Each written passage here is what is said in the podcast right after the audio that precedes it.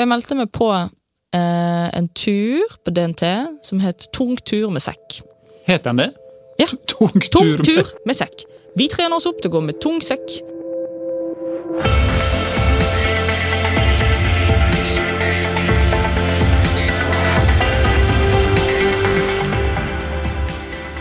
Du lytter nå til Utestemmer, Den norske turistforening sin podkast om tur og friluftsliv. Jeg heter Eivind Eislott, og som mange andre så har vi stor glede fulgt med på komikeren Maria Stavang, eller Pia-tid, som hun kaller seg i sosiale medier. 27-åringen ble kåret til årets YouTuber i 2018, og i 2021 ble hun nominert til Humorprisen. De siste åra har hun vært med i en rekke TV-program, som Tidsbonanza og Kongen befaler. Men nå, plutselig, så begynte ryktene å gå om at Maria har blitt en friluftsentusiast. At hun har gått DNT sitt kurs i kart og kompass. At hun har meldt seg på kajakkurs. Og at hun bruker en klatrehall som kontorplass. Derfor har vi invitert henne hit i dag, til Utestemma.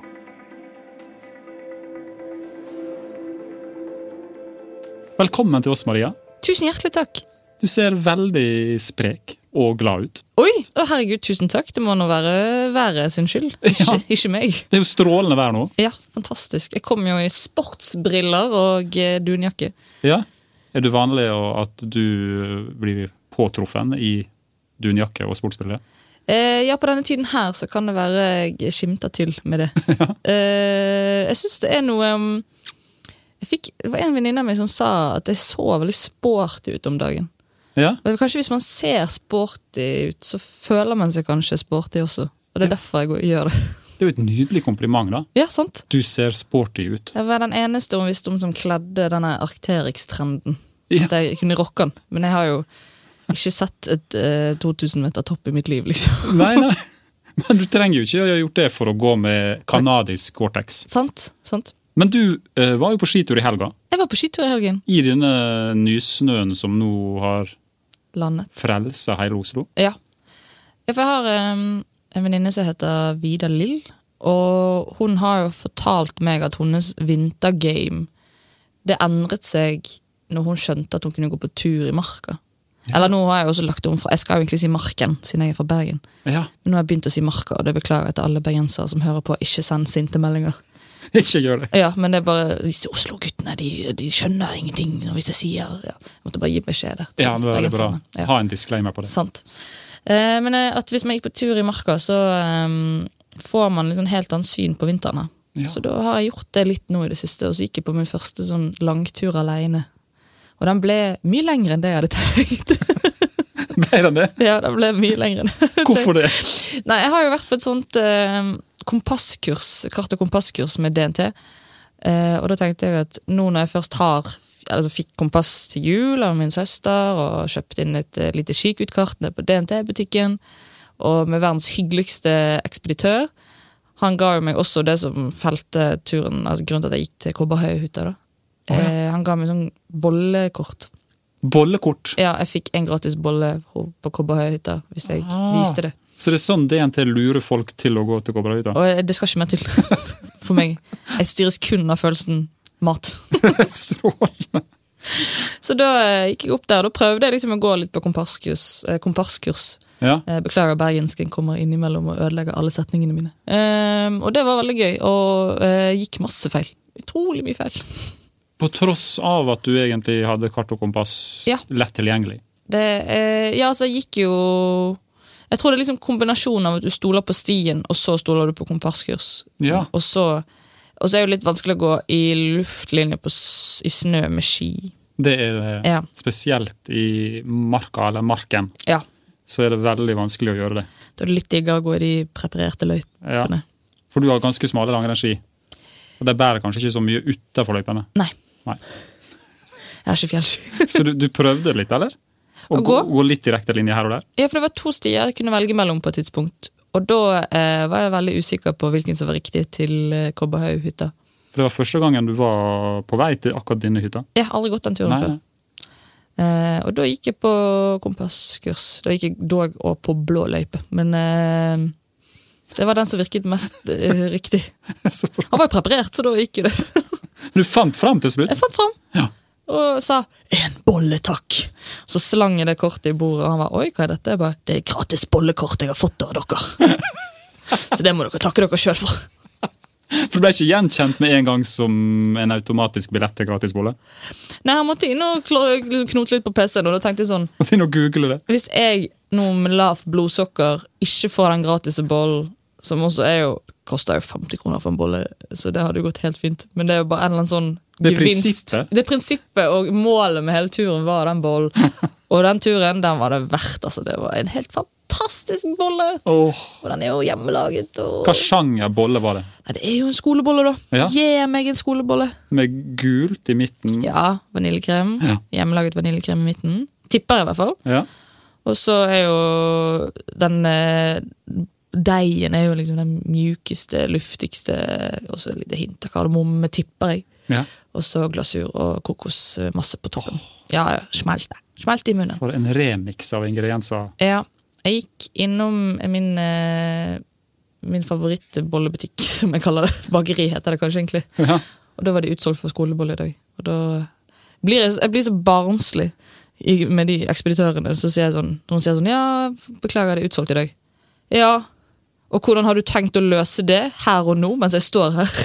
Du stilte det spørsmålet. Nei, det, men det er blikket mitt. Det tomme, blikket det, tomme blikket mitt. Og så sier jeg 'det går fint', og så går, snur jeg og gå. Oh, så du tør ikke å være så streng som du egentlig har blitt? Jeg forstår at ikke de kan dra en skolebolle ut av ræven bare fordi jeg er på besøk. Men med alderen eh, Så? så kan det hende at man tør å være strengere også. Det blir mer og mer legitimt å være sint og sur. Hva var, Når var sist du var sint og sur? Jeg prøver ikke å være det likevel. Ja. Jeg blir om, jeg er heldigvis omgitt av yngre folk som minner meg på at uh, hold på standarden når det gjelder det å være litt grann, eh, høflig. Det som jeg hørte når du uh, snakka litt uh, i vår research-samtale Ja, Vi har den, møttes eh, før på telefon. Ja, vi har det. Om skituren din i marka. Ja. Da sa du at du falt mest i oppoverbakkene. Jeg gjorde det! Jeg har fortsatt blåmerke eh, på knærne. Og Hva var det? det er jo bare den skøyteteknikken, eh, eller fiskebeinsteknikken oppover, har jeg ikke fått til, altså. Nei? Jeg blir som Bambi på isen, sklir bakover. Så når du skal gå altså fiskebein, Ja.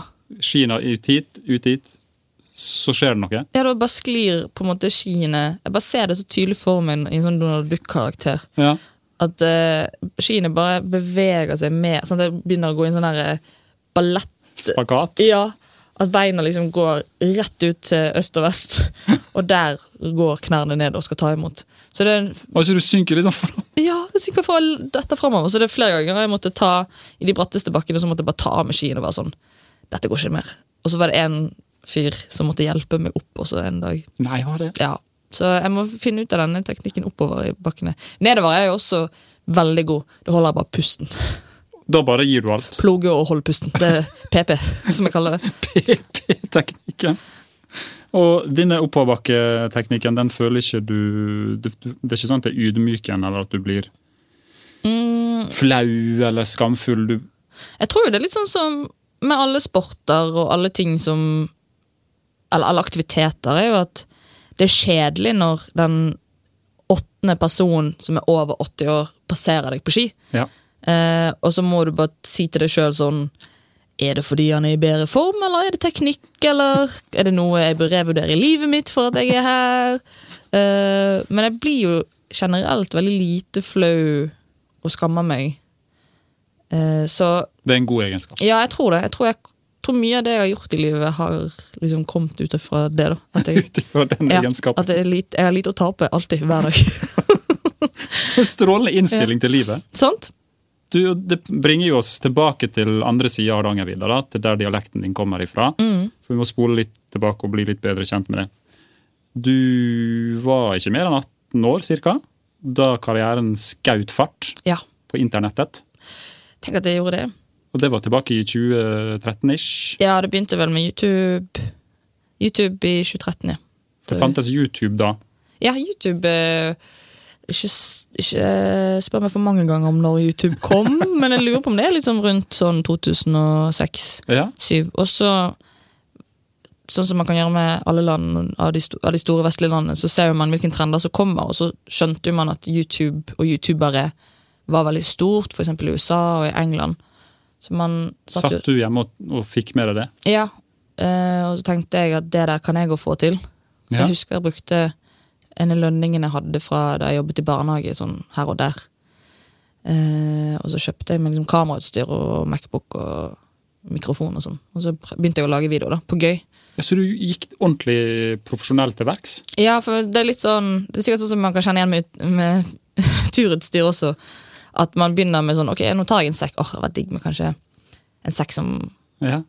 Tok litt flere liter. eh, Og, og kanskje et hoftebelte. Det var deilig. Og, og, og de fjellskiene var fine, men har du sett de nye fjellskiene? Som, altså du begynner liksom, så Sakte, men sikkert så byttet man liksom ut utstyret med litt bedre utstyr. Som Ja. gjør at selve turen ble mye bedre. da. Um, Men visste du hva slags eh, innhold du hadde lyst til å lage? jeg har veldig lyst til å lage tull og tøys. Mm. Um, jeg syns det var det gøyeste. Å få folk til å le. Så hvordan finne ut å få folk til å leve via internett er jo litt vanskelig. Det eneste du må forholde deg til, eller kan forholde deg til, er jo kommentarer. Ja. Så mm, Nei, det var veldig gøy sånn hobby jeg hadde da jeg var liten. Mange spilte fotball, og jeg lagde YouTube-video. Så vi ser hvem som har best O2. eller VO2 Max i dag. Se hvem som har størst formue. Sant, det er akkurat det. Ja. Og Det må man og- også ja. gjøre. Jeg tror jo at du valgte eh, riktig på et tidlig tidspunkt. Jeg skulle aldri trodd at det var dette jeg skulle jobbe med. Nei, Og nå sitter jeg her i dag med deg, Eivind. i Tenk, dette studioet. sant? Det er helt Hele utrolig. kommet opp til dette øyeblikket her. Men før du kjøpte kamera, ledninger, Macbook, var det um, turliv i familien din? Nei. Um, jeg kommer fra en lite s- Ikke lite sted, men en, et sted som heter Loddefjord i Bergen, som er ti minutter unna sentrum. Og da er jo det masse fjell. Vi har Lydehorn, og vi har Canadaskogen, som Ja. er veldig fine turområder. Nei, der var jeg aldri. jeg ble vel aldri. Jeg ble vel ikke introdusert for puls før jeg var 17 år. Um, Ingen puls før 17? år? Nei, aldri, høy puls. Aldri Jeg husker vi hadde sånn Loddefjord skoles dag, som var sånn, da skulle vi opp på Som er jo en fantastisk tur i dag, syns jeg. Jeg elsker å dra. Hvis jeg kommer meg hjem, så skal jeg alltid på Lydehorn eller på Løvstakken. Da må Ja, jeg få tatt en tur opp der og bare kjenne på hvordan det er å sitte på, på toppen der. To av de fine syv fjell, ikke sant? Ja, veldig, veldig fine. Um, men nei, jeg har ikke blitt tatt med på tur. Nei.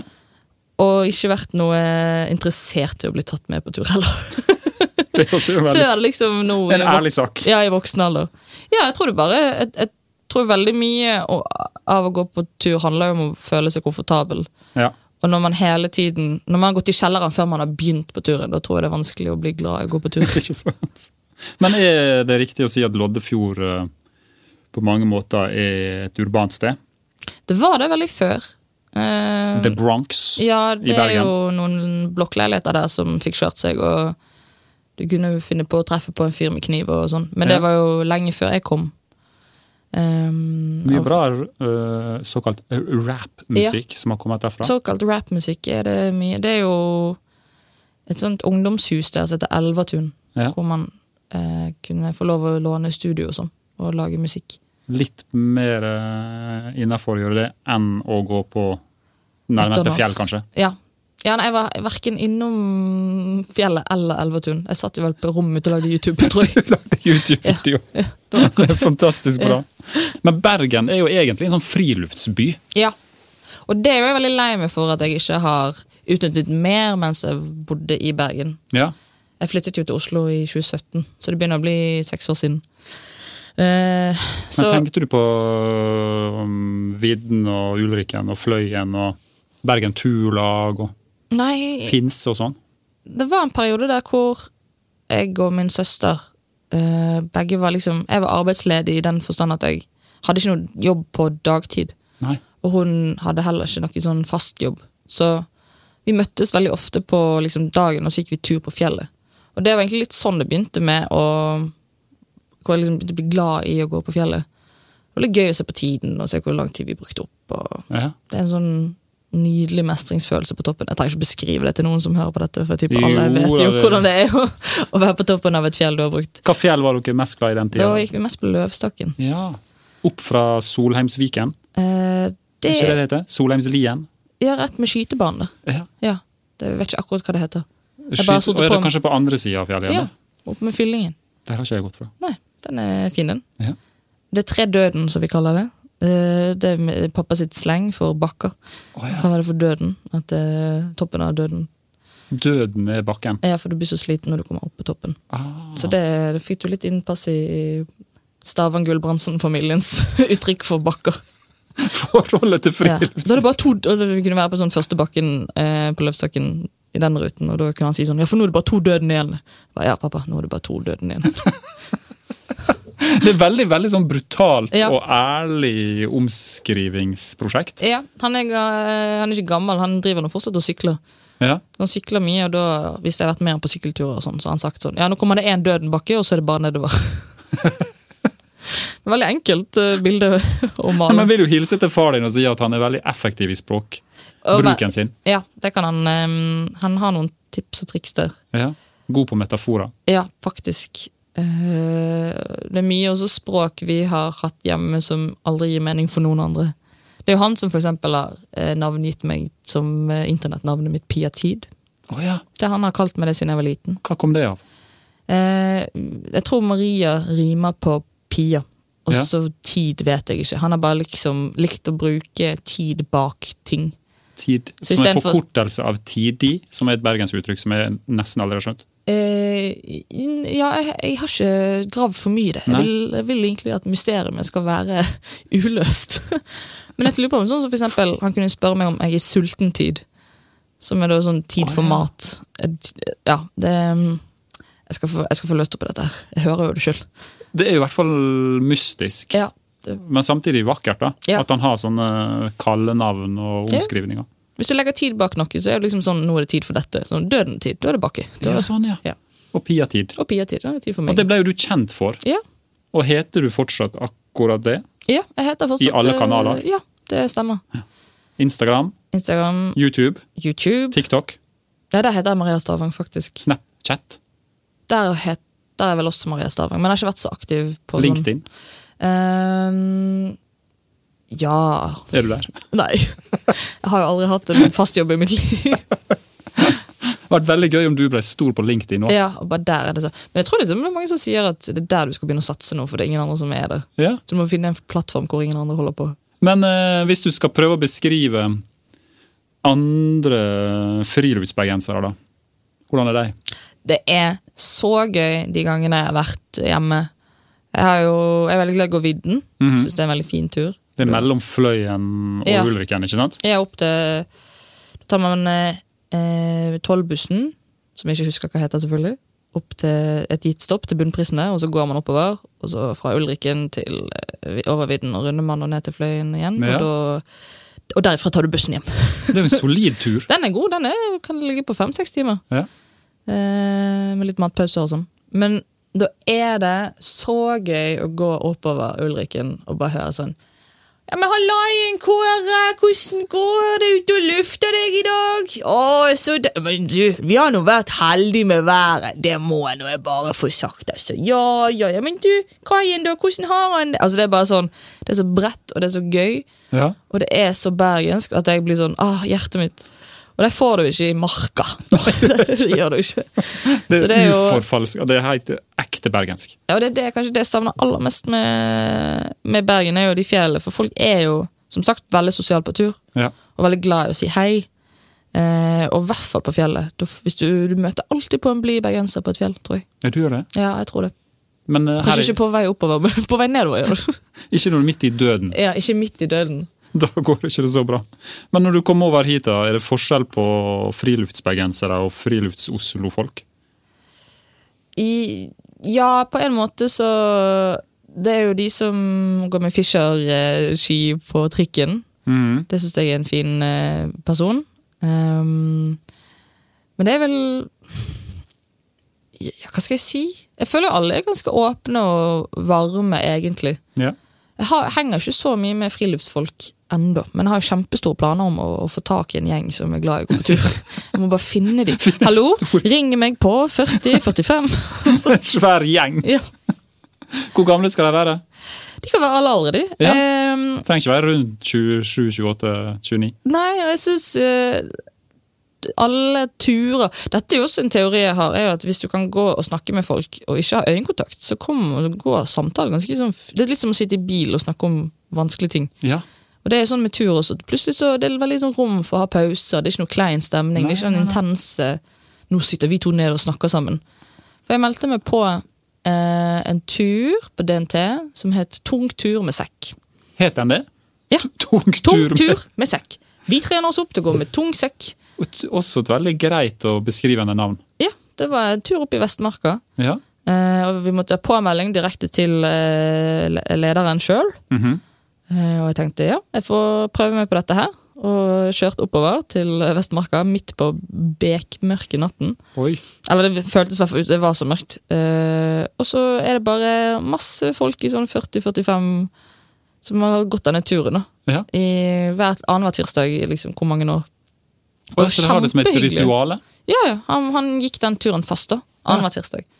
Og så sa han jeg trenger ikke å gå den alene, så hvis folk har lyst til å være med meg, så er det bare å bli med. Og det var tung tur med sekk? Ja, Så hadde man med seg noen flasker med vann i sekken, og så gikk man oppover. Og de hadde godt tempo, de. Ja. Ja, jeg, jeg, skulle, jeg skal ikke tøffe meg jeg, med den gjengen der. Og det var godt med snø også, så man gikk jo sånn eh, ganske høye løft, nei, sånn høye kneløft oppover eh, der. ja, For det var ikke skisesong, men det var likevel snø? Ja, Akkurat. Ja. Da ble det ekstra tungt. det var, ja, der kjente man på pulsen. Men det var veldig sånn gøy å bare dra på en to timers tur med folk som man ikke kjenner og ikke vet hvem Ja. er. Så får du litt sånn historie her og der, og ja, hvem er du, og hva jobber du med? og Ja. Og så er det også veldig mye sånn om det som skjer rundt deg. Det er veldig mye her og nå. ja. Sånn Å, se der, der er det fine, den fine toppen, og der er det Å, se på himmelen nå, og ja. Det er veldig gøye samtaleemner man, Man lever mer i nuet, kanskje? Ja. Det er jo klisjé, men det er jo klisjé fordi det er sant. Også det som du sier der, at man ikke sitter og stirrer på hverandre. Ja. At du rett og slett har eh, litt mer frihet i Mm. eh, fokuset. ja de var knallgjeng, og det var bare å komme på julebordet deres neste helg, sa de. Jeg sa det. Ja, ja, ja. For en åpen og fin gjeng, da. ja men jeg føler det er litt sånn turfolk. Ja. Jeg er veldig sånn, jeg har vært på um, Jeg var også på Friluftshuset på Sørenga for en stund tilbake, på noe som het eh, Buldremandag, eller Buldring på mandager. Mm. Da var jo det åpent hus. Med, kom ned og spis frokost hvis du vil, og de lagde grøt, og det var noe knekkebrød, og det var noe eh, vafler. Oi. Og det var jo dag og halv syv på morgenen, så det var jo ganske tidlig. Litt sånn odd tidspunkt. Ja. Og Kanskje? da var jo det, fikk, jeg- fikk jeg en gjeng der nede. Ble vi sittende liksom tre-fire stykker, og, og, slutt, og det var isbading etterpå. Og jeg føler liksom Sånn som ja, med disse folkene, at alle er veldig sånn Det er ingen som er redd for å si hei. Nei. Det er veldig lite nordmennete å gå tur, hvis du skjønner. Ja, sånn, ja. Ja, At det er ikke den der stille å sitte på trikken og ikke se noen i øynene. 'Å nei, der kommer noen jeg møtte for syv år siden. Jeg må gjemme meg.' Jeg må sette meg på andre sida av trikken. Ja, Så slipper jeg å si hei. Det syns jeg kanskje er noe av det fineste med, med tur. Kanskje det ligger i turtradisjonen at vi da kan få lov til å være litt mindre pietistisk. Ja, Litt mer åpen. Ja, Si hei til hverandre, snakke sammen. Det er ikke så skummelt. Nei.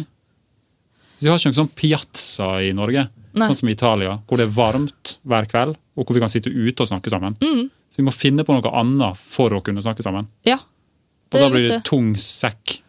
Tung tur med sekken. Tung tur med sekk! Ti liter med vann baki og kom deg oppover. Da åpner konversasjonen seg. Ja, ja, Det ja, er ja. fantastisk bra. Du, Det var jo ikke alle som visste hvem du var, men veldig mange visste hvem du var fra YouTube. Da du i 2018 plutselig dukka opp uh, i beste sendetid. Monsen minutt for minutt. Tenk at de lurte meg med der. Ja. Det er jo veldig gøy. Hvordan var det å få den telefonen? Har du lyst til å være med Lars Monsen over Hardangervidda minutt for minuttos? Um, det er så mange i Norge som hadde sett eller satt så pris på å få den telefonen. Eh, jeg også satte jo pris på å få den telefonen. Men, og jeg vet jo godt hvem Lars Monsen er, men jeg har jo ikke noe forhold til han annet enn at han er en legende i miljøet. Ja. Så jeg sa jo bare å ja, det er jobb, det. Det er som Jeg så på det som et oppdrag. liksom sånn, Ja ja, da er det opp på Hardangervidda der og være på jobb, da. ja. Som YouTuber så så du på det litt som et, et yrkesoppdrag. Ja. Nei, jeg grein masse, jeg. Gjorde du det? Ja, ja, ja. Det... Før turen starta? Nei, heldigvis underveis. Annenhver dag grein jeg. Annenhver dag.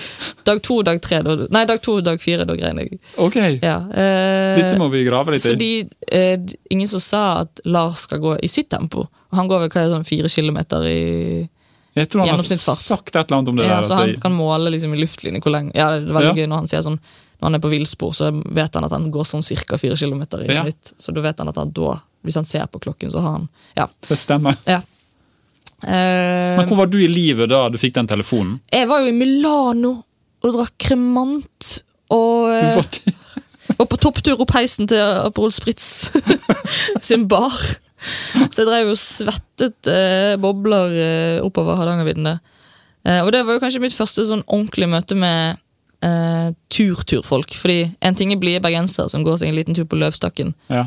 men å se sånne gigantiske menn med tunge, svære sekker som bærer ja, er, Og de bærer sin egen hjemmebrent fire Ja. dager over vidden. ja. Og det er ingen vekt som er for mye på denne sekken. Det er noe sånn Ja, veldig veldig gøy med sånn Å ja, du har så store hender. Det, det visste ikke jeg gikk an. Og så målte du din hånd inntil? Ja, ja, da, ja. Nei, og så var jeg også sånn hvor uerfaren jeg var. Jeg skulle så gjerne gjerne tatt den turen om igjen nå, når jeg vet og har mer erfaring fra Ja. liksom å gå tur på fjellet og gå med kart og kompass. Eh, for det første, bare ikke gå på XXL og, og, og plukk. Det var det du gjorde? Ja, jeg tok jo bare en vanlig tursekk som var mann, tror jeg. Og den var ikke Jeg tipper det hoftebeltet mitt var på rett under brystet. Altså det var bare sånn Alt var feil? Ja, ja, ja. Så jeg hadde jo vondt alle steder på kroppen. Ikke vant til å gå i det terrenget. Jeg hadde jo også på med meg joggesko. Oh, ja. Så du husker det noe av det første Lars sa? var bare sånn skal, Du skal ikke gå med disse skoene, du må jo ha harde fjellsko. liksom Men det skulle du? Eller du Nei, jeg visste jo ikke. Jeg fikk Nei. jo ikke beskjed om Jeg fikk ikke noe pakkeliste. Oi, oi, oi. Ja.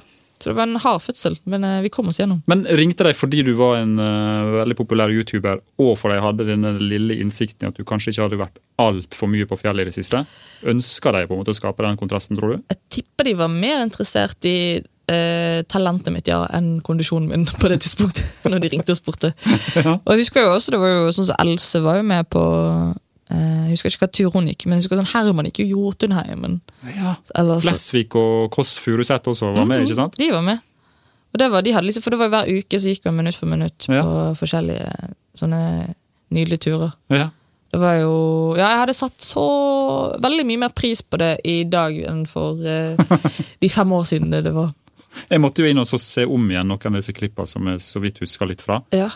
Eh, og det du gjorde, blant annet, var jo at du ganske tidlig diskuterte med Lars hva slags lyder du hadde hørt første natta i telt. ja, hva hadde jeg hørt, da? Nei, altså Du lurte på om det kunne være rev, eller røyskatt, eller en slags fugl.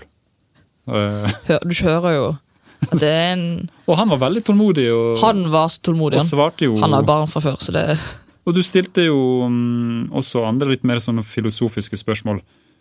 Må du ha med deg våpen når du skal gå på tur over Hardangervidda? Stilte du annet spørsmål om. For det hadde du hørt noen andre lure litt på. Eh, Ja. og bør Hvis du er redd for å slåss mot mus, så skal du få lov. å- Men han var en tålmodig mann. Han veldig, veldig fin. Ja. Veldig um, Du ser at liksom En ting er at du ser i fjeset til Lars at han har vært ute og har liksom den roen. Mm. uh, men Og jeg syns også det var noe veldig gøy med at Lars la seg også sånn 100 meter unna alle andre på camp. Og det tror jeg jo fordi han må bare ha den. Han er jo så populær også. Ja. Så det var jo så mange som ville ha en bit av han. Ja. Så det, vi var jo Vi var jo første gjengen som skulle gå den Hardangervidden-turen minutt for minutt. ja. Og våknet jo opp, og da var jo det 600 telt utenfor. Og de hadde jo ikke liksom, De skjønte jo ikke at det skulle komme så mange folk. Nei, Men den fanskaren der, den eh, Det ble sånn Woodstock-stemning. Og så følte jeg at han, eh, når jeg satt og så på det her eh, hjemme i stua, så var det akkurat som at han var på en måte en slags sjefshippie. Ja, som hadde en masse tilhørere gående og vandrende bak seg. Og til og med når du skulle snakke med han, og det var kamera på begge to, så kom jo det folk og forstyrra dere i konversasjonen deres. ja, jeg lurer på om det skal mye til for å sette han ut, altså. Ja. For han er ganske sånn Jeg tror han er veldig glad i å være for seg sjøl, og noe annet ville jo vært rart. Men uh, han er jo også veldig fin Mm. av det lille jeg fikk eh, oppleve av han. da Ja. Uh, og hadde selvfølgelig hatt litt bedre spørsmål til han i dag eh, enn om du må ha med deg var- våpen på Hardangervidda. Han var ganske opptatt av um, ei litt sånn spesiell rumpetaske, eller en sånn taske du hadde. Ja. Det var kanskje ikke rumpetaske, for den var, det var her framme på magen. den taska var. Ja. Magetaske, ja. ja. Den, Uh, den Hva hadde du oppi den? Nei, der, hva var det jeg hadde oppi der, da? Du, vet- du det? Nei? Nei, jeg tror jeg tipper jeg hadde telefon og lommebok og Viktige ting? Ja. Sånn som man har når man har magetaske i Syden? Ikke kart og kompass og Ja, nei, det er plaster, sikkert. Ja. Og noe, noe drikke og noe fôr. Hvor har du fått tak i den taska der, da? Du, den fikk jeg. Den var jo helt sånn eh, sånn Disko-gullaktig farge på. Sikkert derfor du fikk litt oppmerksomhet. Ja, ja, ja. Jeg trengte jo det. Jeg trengte jo mer oppmerksomhet på toppen av det fjellet. det. Nei, den eh, fikk jeg på Jeg fikk fra opptaket jeg var på Tidsbonanza, en TV-serie på NRK. Så fikk man den en sånn rumpetaske etterpå. Var Tidsbonanza-taska. Ja, sjølveste Har du den enda? Jeg vet ikke. Jeg håper det. Jeg håper han ligger i boden et eller annet sted. Så Den kan jeg tenke denne må ut. denne må på tur. Ingen må på Den skal få oppleve Hardangervidda igjen. Den må jo være med på den der uh, tung tur med sekk. Ja. Jeg skal putte ti liter med Tung vann oppi. med, med Tung tur. taske med seg. Tung tur med taske. Men uh, dere snakka også litt om det der med å Altså litt sånne uh, triks. Fisketriks. Ja. Og der viste det seg at du hadde jo fiska litt før. Ja, min mor er jo eh, gammel fisker. Ja. Hun har jo fisket i Barentshavet og sånn, så hun er jo veldig flink. I Barentshavet. Ja. Hun bor i en tråler. Hun bodde der med Og dessverre da på den tiden fisket kamskjell. Det gjør jo ikke de lenger nå. Det er jo veldig dumt å rive opp. Og... Ja. Så hun syntes jo det var veldig dumt. Men uh, visste jo, de visste jo ikke bedre på den tiden. Uh, og dette er jo mange mange, mange år siden. Høres ut som en veldig barsk mamma. Ja, hun uh, er det tak i. Ja. Hun skal ikke du pille på nesen. Nei. Eh, så hun var Ja, hun har vært på båt med gutta og krutt, ja. Eh, Og var kanskje ikke så mange andre kvinner om bord. Nei. Eh, hun har alltid vært veldig glad i havet. Da. Hun elsker å fiske. Ja. Så vi har vært noen turer. Det er kanskje de turene vi har vært på. da Hvis det, Vi har jo ikke noe hytte eller noen båt, eller noe sånt, så det må jo liksom være sånn Please, kan vi være med dere på hytten? og så ut og fiske, og da er hun alltid sitt ess. Ja. Så syns jo det er noe veldig Jeg vet ikke hvor mye tålmodig Jeg, har- jeg klarer ikke å sitte sånn fire timer og fiske. Nei. Eh, for det er mye det samme opp og ned. Men jeg skjønner hvorfor folk liker det. Liker du altså sånn fiske hvor du sveiver inn hele tida, eller med dupp hvor du kan bare ta det helt med ro? Nei, Da sveiver vi inn hele tiden. Ja. Ja, enig. Så, Men ikke fluefiske sånn at du går hele tida og gjør sånn. jeg har ikke prøvd ennå. Nei. For det er litt hektisk Ja. igjen. Men det var jo også magisk på den turen i, Hardangervidda. Så prøvde jeg flere steder å få tak i fisk, Ja. og så klarte jeg det ikke. Og så kom Lars, og så hadde han fisket noen fisk til meg så jeg kunne få. Ah, Ja, skulle vi lage, skulle, Jeg tror vi skulle lage rak fisketaco. riktig. Ja. Var det godt? Eh, nei. Jeg smakte bedre ting på fjellet. Dere diskuterte også det her med utfordringene knytta til om at man har jo menneskelige behov Ja. selv om man er på tur. Mm. Eksempel må man på do. Ja. Hvordan var det der oppe? Du hadde ikke så mye telterfaring fra før. Nei, Jeg, tror ikke jeg hadde sovet i telt utenom liksom, i hagen til en venninne. Nei? på det tidspunktet. Nå har jeg sovet litt mer i telt. Eh, og har jo eh, Å pisse ute gjør meg ingenting. Å pisse, Hør på meg sjøl. Å pisse ute gjør meg ingenting! Ja, ja, ja. Men det er bra jeg er sammen med en fyr og har vært sammen i tre år. For dette her er i hvert fall opptatt. Herregud. Eh, så det er jo det der um, Jeg har lært liksom, jeg har hørt at du skal finne en grein Ja. og slenge beina over, sånn at du får litt mer sånn naturlig posisjon hvis du skal gjøre nummer to. ja. Uh, men jeg har jo ennå til gode å, uh, Å teste det ut? å teste det ut, ja. For du, du bare holdt det over Hardangervidda? ja. Jeg tror bare kropp, Det er litt sånn mekanisme kroppen har noen ganger. sånn, Ok, vi har ikke tilgang på do. Og så var det noen hytter der vi fikk lov å låne. Det var jo Annenhver kveld så sov vi på hytte. Ja. Og da tror jeg alle var snarere med å Ja, Sånn, ja. prøve en utedo. Når utedo blir luksus. Fordi lyngen ikke er det er ikke så deilig når det kiler. Det var en sånn tur hvor utedoen ble luksus. Ja. Men eh, akkurat nå i det siste så har jeg jo skjønt at du har blitt ekstra ekstra gira på friluftsliv. ja, det er jo veldig gøy. Så noe har skjedd siden 2018 og den der Hva Monsen-turen. mener du?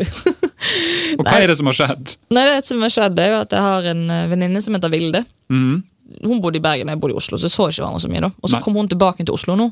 Ja. Og så gikk, var vi sånn Å ja, ingenting har jo skjedd i vennskapet. Her er jo det alt som, som det har vært før. Som er en klassiker og veldig fin. Eh, og hun har gått mye på friluftsliv. Eh, og gikk på friluftsliv folkehøgskole oppe i Lofoten. Oi. Som høres ut som en drøm. Ja. Eh, halvt år der oppe. Så hun har vært veldig sånn Jeg må finne folk som jeg kan ta med på ting. For jeg, Hun elsker å klatre, hun er veldig god i fjellet. Hun er veldig glad i den der send-følelsen naturen gir. da Og Hver gang vi er ute, så sier hun 'Det er dette som er livet!' Det er dette som er livet! Og slår jo av telefonen med en gang vi begynner å gå. Og, ja, hun er veldig Hun er flink. Ja, veldig glad. Og så er hun, hun sier jo sjøl at hun er for dårlig til å gjøre sånne ting. da Mhm. Ehm, Så hun har jo vist meg for eksempel eh, hengekøye på Langøyene. Oh, ja. Det gjorde vi i sommer. Det var kjempehyggelig. Ute i Oslofjorden her. Ja, tok vi båten eller fergen ut. Og så fant vi en plass, og der er går det vektere, og de har jo pusset opp øyen. Så det er jo masse toaletter og dusjer og sånn. Går det vektere der ute òg? Ja, og passer på at du camper innenfor gitte områder. Sånn, ja. Ja, og, de kaster deg vekk hvis du har lagt deg feil. Jeg fikk plutselig sånn følelse av at jeg var der for å passe på de som ligger i hengekøye der. Ja, ja Det er litt det å få passe på at ikke du sover mer enn to dager, for folk begynte å bo liksom ute på Langøyene. Og det er jo litt dumt hvis folk tar opp eh, plutselig sånn Ja, her, ei, dette eier jeg nå. Ja, ja. Nå bor jeg her. på Av sedvane så eier jeg faktisk disse fire kvadratene her. Ja, for jeg har vært her så lenge. og da, da var jeg sånn, og da husker vi våknet opp, eh, vi, med meg og hun og to til. Helt kjempedeilig natt. Altså Selvfølgelig ikke sovet så godt, men denne følelsen etterpå, når du våkner, er bare sånn Tenk at jeg gjorde dette. Ja. Og da kommer det Det kom en mann, han var fra Sveits. uh, og han sa I saw you girls uh, jumping around on the beach.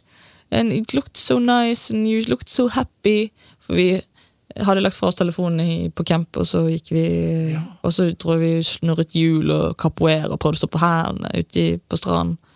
Og rett tilbake til eh, 70-tallet. Ja, rett tilbake til 70-tallet. Og det var, var veldig gøy. Og da hadde han sett oss og ledd og kost seg. Så han ville så gjerne gi oss kaffe på morgenen. Oi! Så han hadde kommet med, kommet med kaffe til oss, vekket oss med kaffe klokken åtte. Før vi skulle ta båten eller fergen tilbake. En mann fra Sveits. En, mann, en 60 år gammel mann fra Sveits var der for å besøke søsteren sin som hadde operert og bodde i Norge. Og så var det veldig dyrt å bo på hotell. Så derfor bodde han også der ute. I, I en hengekøye. Ja. Dette er utrolig bra. Sant? Du må bruke naturen. Dette er en novelle. Dette er novelle, ja. Men og så har det bare utvikla seg, da. Fra hengekøye ute på ei øy til bare mer og mer friluftsliv. Ja, det har jo Det er jo ikke bare hengekøye som man ser på Instagram, det er jo veldig mye mer til friluftsliv. Så jeg har jo fått lov å prøve klatring, og det er gøy med kart og kompass, eh, og gå i fjellet der, og så skal jeg på kajakkurs på søndag. Oi. Eh, som eh, jeg gleder meg veldig til. Er det som et DNT? Det er også med DNT. Ja, ja. Så veldig mye av dette er jo via DNT. Eh, at det er sånn Oi, her er det kurs med dette! Nå... Og da er det bare sånn, det er jo så lett å melde seg på. Ja, Og så er jo det alltid hyggelige folk på de kursene også. ja. Så jeg, får, jeg går på alle disse tingene aleine. ja du gjør det? Ja, for hun venninnen min hun kan jo det. Ja, Så hun gidder ikke gjøre hun vil ikke bli med på det. Nei, hun tar, gidder ikke ta dobbeltkurs. Eh, så Men nei. har du gått klatrekurs òg, da? Jeg har tatt det der grunnleggende kurset, men jeg har ikke brattkort, nei. Nei. Du det, klatrer opp med sånn uh, autobillet? ja. Hvordan, hva er det for noe nå igjen? Autobillet er jo vel genialt, først og fremst. Du Ja. kan jo klatre alene. Så du fester du bare kroken, eller karbinkroken til selen din. Og så kan du, når du er på toppen, slenge det bakover, og så ta den maskinen imot. det er jo sånn, Du skal skal jo egentlig ikke kunne stole på det, så det er jo en liten sånn mentaltest i starten der. Ja. Så jeg pleier alltid å klatre sånn to meter, og så hopper jeg bare for å se sånn, du tar meg imot, sant? Du Ja. gjør det. Han bare, ja, ja, sier han. Sier han sier maskin. Ja, maskinen sier det. Så det er en veldig sånn deilig måte hvis du eh, Så slipper du å være avhengig av å klatre sammen med andre. da. Ja, Mm. nettopp. Så det syns jeg ja, Skullerud er god på. Eh, Jeg har ikke vært så mye andre Jo, jeg har vært litt i Drammen og prøvd i Bergen også. Det var også veldig gøy. Ja. Hvordan vil du beskrive klatrere, da? Klatrere? Mm. Eh, nei, hva skal jeg si? Visste ikke at det gikk an å ha sixpack på hånden. det er jo også en egen gjeng. De er jo veldig den friluftslivånden at de sier hei og Ja. er glad. og eh, Veldig mye som er folk som har kommet bort og sagt hei. Og spurt sånn ja, vil du, trenger du hjelp, bare si fra hvis jeg skal sikre deg. og Oi. Ja, så jeg har møtt et par eh, til min kjærestes store fortvilelse. Jeg møtte et par gutter der som var eh, kun bare vært hyggelig og åpen. Ja. Men det var liksom sted for Det var ikke sjekking? Nei, nei jeg, tror ikke, jeg tror det bare liksom vennskap eller vennlighet. Som man kan eh, Som er jo uvant i dagens samfunn. Ja, ikke sant? Men ikke så uvanlig inni en klatrehall? Nei. Nei. Eh, det er jo kanskje litt som med sporter også, og aktiviteter, at der er det veldig rom for at man kan si hei uten å være creepy. Ja. Det har vært en liten debatt i Klatrehall-Norge nå i det siste Har det det? året. Om man er for eller imot det å klatre i baris. Å ja vel, hva er debatten? Er du for eller imot? Uh, jenter eller gutter som skal klatre i baris, da? Nei, dette er jo ofte gutter, altså. Ok, jeg forstår. uh, nei, jeg syns jo alle skal få lov å klatre i det de vil. Ja, Uh, altså, det er jo hvis det, er veld, hvis det er veldig tydelig hvorfor du skal klatre i baris, hvis, det veldig, hvis du har veldig behov for det, la nå folk få det behovet. Ja. Jeg trodde du skulle si at da er ikke det lov. Nei, nei, det er bare mer sånn. Hvis det er det som gir deg noe å klatre i baris Ja. Du har jo jobbet for den kroppen, så Ja. sikkert, hvis det, og det eneste stedet du kan vise det, er klatrehallen, og kanskje to dager på sommeren. Magnus Midtbø, det skal du få lov til. Det. Ja, Det kan hende at han liker det. Ja, jeg tipper jo tipper det. Ja. tipper det. Jeg skjønner det. skjønner det. Ja. Hadde jeg hatt sixpack på armen, så hadde jeg jo klatret i baris. Og nå har du sagt at du også har lyst til å begynne med toppturer. Jeg synes jo det er noe veldig interessant. Jeg tror det er en lang vei der å gå. Og den tror jeg er litt hardere å gå alene også. Og hvis jeg skulle gått en topptur, så måtte jeg gjort det med en gjeng, tror jeg. Ja. Så jeg må bare finne den Denne gjengen som Jeg må finne denne gjengen, ja. Hvis dere skal ringes ringe meg. Eh, for det tror jeg det kan bli litt skummelt og ensomt å gjøre uten å ha noen som Ja. kan det. Hva som frister med topptur, da? Nei, det er jo den, det som jeg snakket om i sted, det der å, å lage denne boblen om at nå er det oss mot naturen. Ja. Eh, og mye av samtalen er dette, skjer, dette som skjer her og nå. da. Ja. Og at du går i Veldig meditativt går i ditt eget hode og følger med på hvordan Ja, nå har jeg gått så langt. Nå, sånn er det der. Og Mm. der borte er det fjellet. Og der skal vi opp. Det er veldig enkel, enkelt mål. ja. Meg opp fjell. Veldig godt oppsummert. Litt sånn livet komprimert i en kompresjonssekk. Mm. Bare sånn Tar ut luften og Ja. Alt det enkleste står igjen. Sånn som eh, En av favorittbutikkene mine i, i Oslo er jo Chill Out. For der også er jo de De skal alltid slå av en prat. Ja, For alle de også er jo friluftsfolk. ja, ja. ja. Og der er det også bare sånn Ja, det, det, dette som er Jeg kan gjerne gå på tur med sånne folk som dette. Ikke sant? Ja, Det er veldig kule folk som jobber der. ja veldig fine. Og så har de gjerne vært i eh, Bhutan, Ja, men de har også vært eh, i Lyngsalpene. ja. Og så De ser jo bra ut, de som jobber der. da. Mm. Ja, ja, De Ser ja. friske ut. ja, det er det sånn som du sa til meg. Jeg ser Ja. frisk, frisk ut. Sporty. Sporty. Ja. Ikke sant? Men dette kart- og kompasskurset som du fortalte om at du har gått i stad, var det, det var DNT? Det var DNT. Hva slags øh, gjeng var det som var med på det? Å, det var mye daddies, ass. Var det det? Ja, sånne Sånne som er? Ja, kanskje hvis du er Ja. pappa. Jeg er pappa. Ja, Det var noen som hadde med seg barn også, som var gøy. Men det var, jeg satt med noen tanter som var veldig hyggelige, og Ja. maste masse underveis i kurset. Sånn, vi har vært der borte, faktisk. Er hyggelig at det Rondane-kartet, fordi den løypa vi gikk der, vi tok jo båten derifra der opp til den hytta der, så det var veldig sånn, ja, det var fin tur. altså, ja, Siri og Karianne er litt sånn slitne, så de gikk ikke akkurat den turen vi gikk, men jeg gikk nå. Og da liksom midt i sånn, sånn, sånn snur du på kompasset hvis du skal klare å skjønne at der må du gå. Akkurat når øh, foredragsholderen sa viktige ting, Ja, så kom- fikk du også veldig mye tilleggsinformasjon. En sånn tante sånn som ikke slutter å snakke. Så det var jo en del av eh, noen av kurs, kursfolkene. Mye Ja. unge jenter. Mye folk som skal på topptur, da, Ja. tror jeg. Hvor mange var det? Altså, var det veldig mange? Jeg tror det var 30 stykker, kanskje. Oi! Ja, Og bare én foredragsholder? ja. Han var jo veldig stabil, da. Han var stabil. Ja, Klassisk forsvarsmann ja. som skal følge drømmen om å jobbe i, med naturen. ja. Og som jeg støtter 100% For han viste jo bare masse bilder av turer han hadde vært på, og så jo veldig lykkelig ut. Han fikk vist fram det. Ja, Ja. I presentasjonen sin. Så bra, da! Ja. Hadde han en keynote? ja. Ja. Eh, så vi fikk jo prøve å se og liksom, tips og triks og ting du skal se etter. Og det er jo noe veldig veldig rart med å sitte i et lite rom med 30 stykker, og så er du sånn Ja, det er sånn kart og kompass funker. Ja. Og så går du ut og du er sånn Hvordan var det det funket i? det, ja, I hvert fall nå når det er så mye snø ute. Eh, I hvert fall når det er bare, snø «Å ja, det er et hvitt ark. Her er masse høydemeter, og her er et hvitt ark. Hvordan skal jeg skjønne hvor jeg er? Jeg skjønner. Vi tok jo med en liten kartmappe i dag. da. Ja, så gøy. For vi, Nå som du nettopp har gått det kurset, så tenkte vi jo at vi skulle gjøre et eksperiment. Ja. Eh, for jeg har ikke hørt så mange kart- og kompasskurs via podkastsjangeren. ja, sant. Så, så klart, hvis du klarer å, å gi oss en sånn liten innføring I Sykkylven, som er kartet du tar ut nå. Ja, Nå tok jeg ut sykkelvenn, da, helt tilfeldig i livet mitt. selvfølgelig. Åh, Dette er et godt kart. Hvor gammelt er det? Nei, Det er jo sikkert noen år nå. altså. Ja. Dette er fra den såkalte M711-serien, Ja, som var veldig populær uh, den gangen jeg vokste opp uh, på 1980-tallet. Der er jo Spjelkavik og Der er det masse fine destinasjoner innenfor det, den kartramma der. da. Ja. Men Hvis vi begynner med at du slår opp det kartet Ja, nå gjør jeg det. De lytterne hører klassisk kartlyd. Dette her er viktig. Det lærte jeg når jeg hørte på sånne friluftsprogrammer på NRK P1. Man må lage lyd når man Ja. lager friluftsradio. Sant? Ja. Hvor skal jeg? Nå er lytterne her med oss. Ja. De vet ikke så mye om kart og kompass. Dette kurset her er gratis, så dere får ikke lov å klage. Det er helt gratis. Men nå står du altså her i um, Ja, skal vi si at du står her i Riksheimdalen Ja. ovenfor um, Riksheim, Ja. som er et sted i Sykkylven. Mhm. Der, i sørenden av det vannet, står du. Mhm. Og så skal du i eh, retning eh, Storevatnet, som er der. ja. Hvordan skal du sette en kompasskurs, da? Så skal jeg først eh, Jeg står her med Riksheim. Eller står jeg her først? Nei, du sto der, eh, Vi sier at du står der i, i sørenden av det vannet. Sørenden av det vannet. Ja. Du er eneste jeg vet om som sier sørenden, og det liker jeg. Nå har jeg fått et da skjønner jeg at det er et nytt miljø. Der Ja. står du, Mhm. og så skal du opp til det vannet som rett og slett heter noe så pedagogisk som Storevatnet.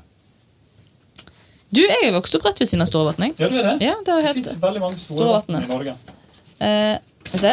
Nå begynner jeg med å åpne kompasset. Ja, Og så eh, må da legge inn kompasskurs. Først skal jeg også se på kartet om det er noen stier fram til det vannet, og det er jo det. Ser du det? Ja, det går jo en sti fra sørenden her. Ja. Så i, for det stiene er jo Det er jo fra kart til kart, da. Men mye av det er ganske likt. Det er sånn stiplete stier. Der ser du at her går det en sti. Ja, Og den stien den følger jo også elven hele veien ned. Eh, så du kan jo gå langs elven, til og med over elven her på et tidspunkt. Det kan du. Og så følger du etter. Og det er jo noen eh, høydegrader her. Høydegrader heter ikke det? Jo? Nei. Nei, du tenker ekvidistansen. altså- Ekvidistansen. Åh, Det må du si. ja. Nå knipser jeg. Nå knipser jeg. Ekvidistansen. Så ser du at det er litt oppover her også. Mhm. Eh, så du skal gå oppover, oppover, oppover. For, men fortsatt liksom alltid klare på et tidspunkt her å se elven. Følge etter elven.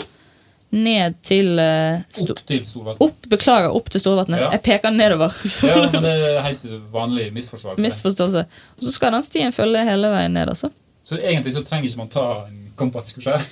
Nei, man trenger jo egentlig ikke det hvis du skal klare, men det er jo deilig å ha noe å se etter. da. Ja. Og hvis du skal ta kompasskurset, du, da legger du Hva da? Legger du kompasset der du er, og da er det veldig viktig at du har eh, altså kompasshuset på- ok, Jeg skal bare forklare det så dumt som jeg klarer det. Du har kompasshuset eh, der som du står, for du skal jo i den marsjpilen der den marsjpilen går fra kompasset. Og det sa han som lærte meg det, en kompis av meg først før jeg tok kurset. Han bare, hvis du, hvis, du snur om, så går du feil retning. Ja, feil. Ja. Da legger du det kompasset um, Vanskelig å legge kompasskurs opp et kne.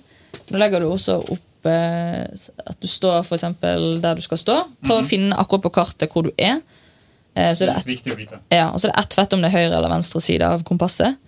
Så legger du da uh, kompasset ned mot der som du skal gå til, sånn det blir liksom en rett linje. Ikke en beinlinje, men en rett linje ned til det vannet, for eksempel, som er det noe der jeg skal. Så har du klart det. Så å si ganske nøyaktig. Prøv å gjøre det på et flatt sted og ikke på et kne. Litt vanskelig her. Litt vanskelig. Jeg skal holde det hvis du vil. Ja. Og så eh, er det da eh, en idé å skjønne også hvor som er nord og hvor som er sør. Ja. Og den røde pilen er jo den som er nord, og det er ikke den selve kompasspilen, men den inni kompassu, kan man si kompassuret. Nei. Ja, Ja. hvis du vil. Og så snur man den opp mot nord. Og, eh, og så tar du kompasset til deg. Okay, Når Du liksom, å, du snur kompasset opp mot nord, og så skal de strekene i kompassuret skal gå ganske sånn på linje med de strekene som er, går oppover. Ja. Eh, oppover mot kartet, som er da nord. eh, og så når du har eh, lagt kompasset sånn, at eh, nordpil er opp, og den er i, eh, på linje med de Ofte i kartet så er det de blå rutene. Mm. Så kan du ta eh, kompasset til deg, og så ser du at det er en eh, nordpil, som beveger seg selvfølgelig ut ifra hvordan det er når du beveger kompasset. Men den, den som du skrudde på, det er også en rød pil inni der, og den vil jo alltid være konstant. Den vil jo bare være ett sted. Så du skal prøve å legge den røde pilen sånn at den kommer inni den andre røde pilen. Den som beveger seg, den skal inn i den som ikke beveger seg. Ja, og den vil jo endre på seg ut ifra hvilken retning du står. Om du står eh, nord, sør, vest, øst, nordvest, søs, søs, vest b, b, b, yeah. Og når du gjør det, så peker jo eh, kompasset Den har jo en marsjpil. Og da skal du gå etter den marsjpilen. Og det skal være riktig retning mot Storevatnet. Det er fantastisk. Det er Ja. helt riktig. Så jeg har lært noe på kurs. 1000 poeng til det. Ja, Hvor mye andre får bruk for, det skjønner jeg ikke. Men det, det er veldig gøy. Det er veldig, jeg syns sånne ting som dette er så logisk. Ja. At det gir, det gir veldig sånn deilig mestringsfølelse. Jeg er veldig glad i matte og naturfag. og sånn. Det noe- våkner din indre sivilingeniør. Jeg skulle bli ingeniør da jeg var liten. jeg. Ja. Eh, men jeg har veldig dårlige karakterer i, i språk og historie og samfunnsfag. I de fagene som ikke handler om matte. Yes! Så det ble aldri noe av. Dette var et stødig kompass. Det likte jeg. Ja, likte du det? Ja, Det er ganske dyrt, sikkert, Ja. eh, fordi det har sånn speil og, Ja, og masse greier. Det speilet brukes jo egentlig bare til å speile seg sjøl, hvis man har vært på tur i et par dager. ja. Men det kan også brukes til uh, Ikke noe skredfare også? Ja, altså du kan bruke det til forskjellige ting. altså. Men jeg bare forteller at folk flest som har sånn speilkompass, bruker det bare til å speile seg sjøl. Ja, og ikke for Ikke for å bruke avanserte orienteringskunnskaper. Nei. Fra kart- og kompasskurs eh, C-graden. C-graden, ja. Jeg forstår. Ja, for jeg, jeg lurte på hvorfor det var speil inni det. Jeg skjønte ikke det helt. Vi skal, ikke, eh, vi skal ikke snakke for mye om sånne avanserte begreper nå. Det viktigste var det gratiskurset. Ja, og det eh, Bare ring meg hvis dere trenger flere. Så skal jeg eh, Men eh, ja, jeg syns kart gir veldig mening. Og så Ja. står du Jeg synes jo det vanskeligste er å skjønne underveis på turen hvor du er. Ja. Det er da du må begynne å lete etter alle små backer og topper. Og Fikk noen tips da? Eh, ja, det var jo selvfølgelig topper. Det er Mm. derfor det er litt vanskelig å gå eh, i marka. Nye skog, eh, ingen topper, nesten. Eh, det er noe vann, da, Mm. så du kan jo kanskje klare å orientere. Og så er det noen få hytter og noen få liksom, gårdstun og Ja. hus. Så jeg husker når jeg kom oppover mot Kobaita, trodde jeg hadde gått ene veien. Og så blir det også veldig sånn du leter etter ting du vil se. Ja. Så så jeg et hus, og så var jeg sånn, ja, det må jo være der. Og så var jo ikke det der i det hele tatt, for det finnes jo hus andre steder. ja. Er Altså at man kan lure seg sjøl. Ja, Man tror at der er jo det vannet som jeg har Ja, letet etter, og så er jo ikke det det i det hele tatt. Du vil gjerne at terrenget skal passe med kartet, S- Sant? men så gjør det ikke det. Nei. Så, så jeg har jo veldig Men har du nå lyst på sånn GPS? Uh, som gjør at du kan se på den, og så vet du akkurat hvor du er uansett om det er tåke eller om du er langt ute i gokk? Nei, ja ikke, ikke jeg har lyst til å mestre kart og kompass sånn, for ordentlig sånn Ja. Shit, jeg fant akkurat der jeg skulle. Du har lyst til å kunne den originale, Ja. uelektroniske Jeg har lyst til å ta manuellappen, føler jeg. det er vel det som er Ikke gå rett på automatlappen. Ja, gå rett på Fortsatt lære, lære seg manuell. Sånn stor klokke, da. Med GPS og pulsmåler Er og, og høydemåler og alt mulig. Ja. Har, har du fått lyst på det òg? Jeg har jo det. Jeg ser det! Jeg har Fenix 7. Men Oi, oi, oi! Ja, ja, Den er ikke så billig heller. Nei, den Masse funksjoner. Masse funksjoner. Og funksjonalitet, som er noe annet enn funksjoner. Så når jeg gikk på skitur, så fikk jeg se på klokken hvor jeg hadde gått. Ja, Og det var jo veldig digg. Og så skjønte jeg også at mine mistanker om at jeg hadde gått feil, var riktig. ja du fikk bevis på det! Jeg fikk jo turen eh, på, på Inne i din egen dataskjerm, eller? Yes. Så så du at eh, her har det jammen det gått litt rart. Mm. Eh, ja, her gikk jo jeg til venstre når jeg skulle oppover. Så det var Det er veldig bra i læringsøyemed. Det er akkurat det. det, er At du kan ha litt sånn tilbakevirkende kraft. Se hva er det man har gjort galt her. Mm. Veldig, veldig bra. altså. Har du kjøpt sånn klokke til samboeren din òg? Eh, nei, han eh, skal få slippe å være med på det greiene jeg holder på med. Han skal få lov å ha andre Han er, han er glad i å pusle. Ja. Han kan få lov å pusle. Det er jo ikke, det er ikke en rikshemmelighet at du er sammen med en annen veldig populær komiker Nei, han er Han som heter Magnus Devold. Magnus Ja. Trygve, faktisk. heter Magnus han. Trygve Devold. Ja, Vi hilser til deg. Vi hilser til deg her fra studio. Du får ikke sånn klokke i bursdagsgave. Nei. Beklager, den er for dyr for at ikke du er interessert i, i det. Får du ha med deg inn i denne friluftsentusiasmen din? Jeg er jo veldig sånn som går veldig hardt inn i ting. Eh, og kjøper jo alt som trengs av utstyr, og går på, ja, som du hører, går på kurs og Ja. blir veldig sånn drukner i det. Elsker å liksom booke hele uken min etter den ene tingen jeg skal. Ja. Um, han er jo ikke helt der, så jeg får jo ikke han med meg på kajakkurs i mars, eksempel. den er litt vanskelig å For nå er det mars, og du, du skal gå kajakkurs på søndag, sa du? ja, Det er litt uvanlig, det. ja, jeg trodde jo det skulle være bitte lite grann varmere i vannet. Men nå er jo det Det snør jo masse. Det er fint, det er fint vær, da. Ja, det er fint vær. Ja. Minus ti. Men jeg hørte at det er kjempebra med isbading. Ja, ja, ja, ja. For kortisol-level og det hele. Får masse endorfiner av det. Ja, ja, ja.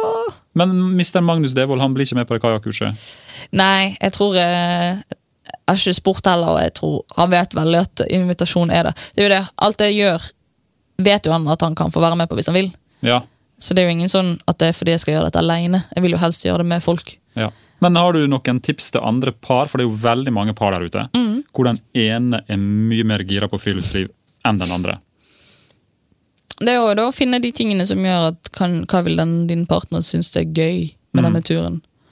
Sånn som jeg blir jo Jeg får jo veldig tenning, så jeg driver jo og går ganske fort oppover de fjellene. Jeg Ja. går ikke ganske fort, men jeg går fortere enn han.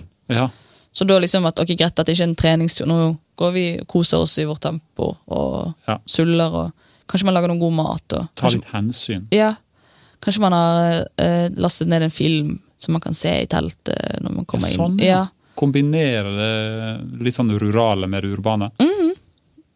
Lese bok og ja, sitte og preike til du sovner. Jeg er også veldig glad i. Ja, Det var gode tips, egentlig. Jeg synes du? Ja, Lage en date. ja, ut av ja, det? Og så er jo det eh, en veldig billig ferie det er det. hvis du sover i telt.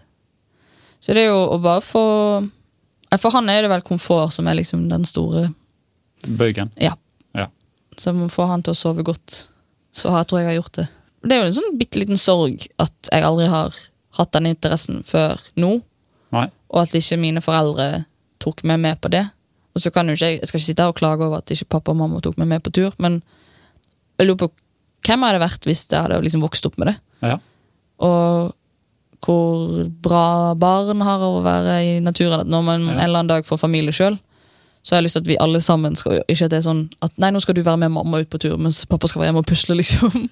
Og det tror jeg han er veldig enig i det, at eh, eh, det er en fin aktiv familieaktivitet. ja. Når den en gang om 100 år kommer. Men det er jo veldig fint sagt. Sånn. Og så tror jeg ikke du må være så veldig lei deg, for du er fortsatt bare 27. Det er masse tid igjen. Ja. Masse tid Ja. Til å oppdage alle verdens fjell. Mm. I hvert fall de norske. da. ja, det begynner der. Ja. Og så tar du heller Begynner på Vestlandet opp, og så jobber meg oppover. ja, ikke sant? Ta Nepal og Bhutan litt seinere. Ja, de kommer når jeg er 50.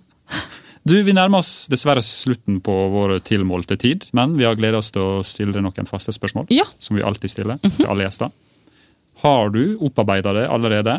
Ei favoritt-DNT-hytte? Eh, har ennå ikke fått sove i noen av hyttene til DNT, utenom på Hardangervidda, når jeg var med Lars Monsen. Ja.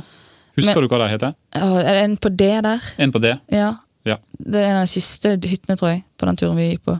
Dyr... Dyran ut? Ja, dyr, den var veldig fin. Det var gode senger. Ja. Og så er jeg veldig glad i Kobberhaughytta, da. Kobberhaughytta, der var jo du nå i helga. Sant? Og der hadde de også bolle. Der hadde de bolle. Ja. Så den er veldig fin.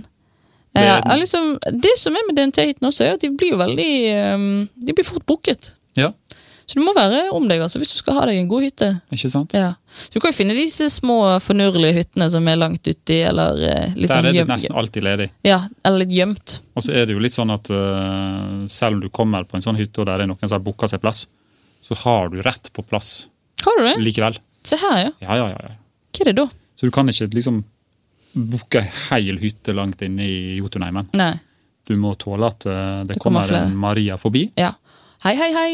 og legges inn. Ah. Jeg har veldig lyst Med til gjengen å, Med min gjeng. Jeg har veldig lyst til å lage meg en eh, Eller liksom gå hytte til hyttetur. Og da Ja. syns jeg den Hardangervidda er veldig fin. Den er det. Ja, den er en fin sånn start. Så nå gjør du snart om igjen det du gjorde med Lars Monsen, Ja. men uten Lars Monsen denne gangen. Og uten grining. Bare ta med den magetaska. Ja, den tom, må være med. taske på tur. Eh, har du noe i den taska som du vil anbefale oss andre å ta med på tur? Eller i ryggsekken din? Oh. um, jeg har jo lært litt sånne ting underveis. Alt det med gnagsårplaster, Ja, selvfølgelig. Får du lett gnagsår? Ja, og til og med sko jeg har hatt i mange år. Så kan Ja. jeg plutselig bare få det til om det er noe med sokker å gjøre. Uh, nei, jeg er veldig glad i noe jeg kan glede meg til å spise. Ja. Sånn at jeg har liksom en mål med at når jeg kommer fram til der jeg skal, så kan jeg spise dette som jeg gleder meg veldig til. Så det er en sånn liten motivasjon på vei i turen. Er det noe, noe som du har laga sjøl? Altså, er du veldig god på å lage matpakke? Åh, yes! Jeg har jo kjøpt meg en sånn mattermos Ja! som er veldig god. Forklar det konseptet. Det er jo at uh, han holder maten varm, Mhm. eller kald. Ja. Uh, så da lager jeg grøt. Jeg er veldig glad i havregrynsgrøt. Og har begynt å lage havregrynsgrøt på helmelk og egg. ja, det er deilig. Åh, Det er noe annet enn å bare ha vann. ja, det er, noe, det er natt og dag. Ja, det er det. Ja, jeg, jeg gleder meg sånn til Jeg, kan, jeg, gleder, jeg våkner opp og gleder meg til å spise havregrynsgrøten min. Men har du både havregrøt til frokost og til lunsj? Ja, Du har et skive med ost. Ja, nettopp, Så du tar ikke en dobbeltgrøtdose? Nei. Så graut til, og med masse deilige nøtter. Og så tips vaniljepulver i grøten. Oi. Da smaker det krem. Er det sant? Ja, For da har jo du egget og, og melken og van- eh, vaniljepulveret. Det blir nesten sånn eggedosis i, før vaffelrøra er ferdig. Mm. Og så har du honning på hvis du vil ha sødme, og da, da er det bare sånn ga- ga- ga- ging, og, og så bær oppå toppen, og så nøtter, og så har jeg noe gresk yoghurt og noe cottage cheese oppå der. Altså det er bare sånn Ja, jeg kunne spist det til middag her to uker i strekk. Dette var jo havregrøt-hacks, Ja, ja, så det holder. Helt til slutt, da. Eh, har du noen råd til folk som har lyst til å begynne å gå på tur, Ja, men som kanskje ikke helt vet hvordan de skal begynne? Planlegg masse. Planlegg så mye du klarer før Mm. du drar. Og så Hvis de ikke vet helt hva de skal planlegge, da. Ja, nei, da er jo det Hva, hva, vil, du, hva vil du? Altså, Hvis du vil på tur, så må jo du skjønne må, Da må du bli streng. Så må jo du vite om du Det er bra at du er litt streng. Ja, bra. Nå, nå må dere høre her. Eh, så må du vite om du har lyst til å stå på ski, om du har lyst til å gå, ta kajakkurs hvis du har lyst til å gå på topptur. Eh, eller randonee, hvis det er det som liksom frister mest. Så er jo det eh, Begynn liksom å se hva er mulighetene. Bruk litt tid på research. Jeg, som, som sagt, jeg har funnet masse på DNT. Masse kurs der som er Og sånn som jeg har veldig lyst til å prøve randonee. Eh, Syns jo det er veldig skummelt, for det utstyret er så dyrt. Så det er ikke noe jeg kommer til å bare gå rett på sporten og kjøpe meg til 20 000, og så gå en, ting, og så, eller en tur, og så var ikke noe for meg. Eh, så der er det jeg har veldig lyst til å melde meg på en av de DNT-turene. Og lene, låne eller- og leie utstyr der. Der har jo de noen utleiemuligheter. Masse greier. Masse turer. De ryker det fort, så du må være kjapp der. eh. Ja, Så det er liksom, ja, og så er det ingen skam å snu. det er bra råd. Ja, der er det, det har jeg gjort masse. Eh, gå, gå tilbake. Og så eh, ikke vær så streng mot deg sjøl. Selv. selv om det er masse 80-åringer som passerer deg på ski, så er det bare kult at du var med på Ja. denne turen.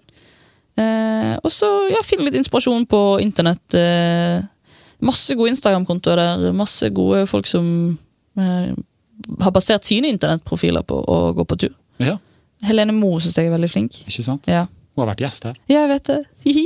Men uh, din profil, kommer den til å tur Dreier dreie seg nå over til å bli en friluftslivsprofil? Åh, ja, det hadde, hadde vært digg for meg, i hvert fall. Hvis jeg kunne begynne å kalle det å gå på tur på, for jobb. Ja, ja, ja. ja Vi får se hva fremtiden bringer. Begynne å lage YouTube-videoer ute på tur. Det er helt strålende. Ja, Det ser vi fram til. ja så bra. Tusen takk for at du tok deg tid til å komme hit i dag. dag. takk for at jeg fikk lov å komme. Det var veldig, veldig kjekt. Vi inviterer deg tilbake når du har gått sånn eh, kart- og kompasskurs Ja. for viderekommende. Ja, for han fristet meg med det kurset der etterpå. Ja, ja, ja. ja, ja. Det med GPS og noe greier. Yes. Ja, da tar vi det der. Nydelig. Nydelig. Tusen takk. Hei.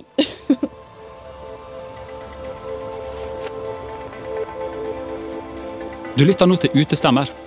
Vi håper du har lyst til å rate oss i podkastspilleren din, og gi oss tips og innspill via e-postadressa redaksjonen krøllalfa dnt.no. Utestemma er laga med støtte fra Norsk Tipping, en av DNT sine faste samarbeidspartnere. Norsk Tipping er stolte over å kunne bidra til at enda flere får gode opplevelser i naturen, og vil takke alle foreninger og frivillige som tilrettelegger for dette.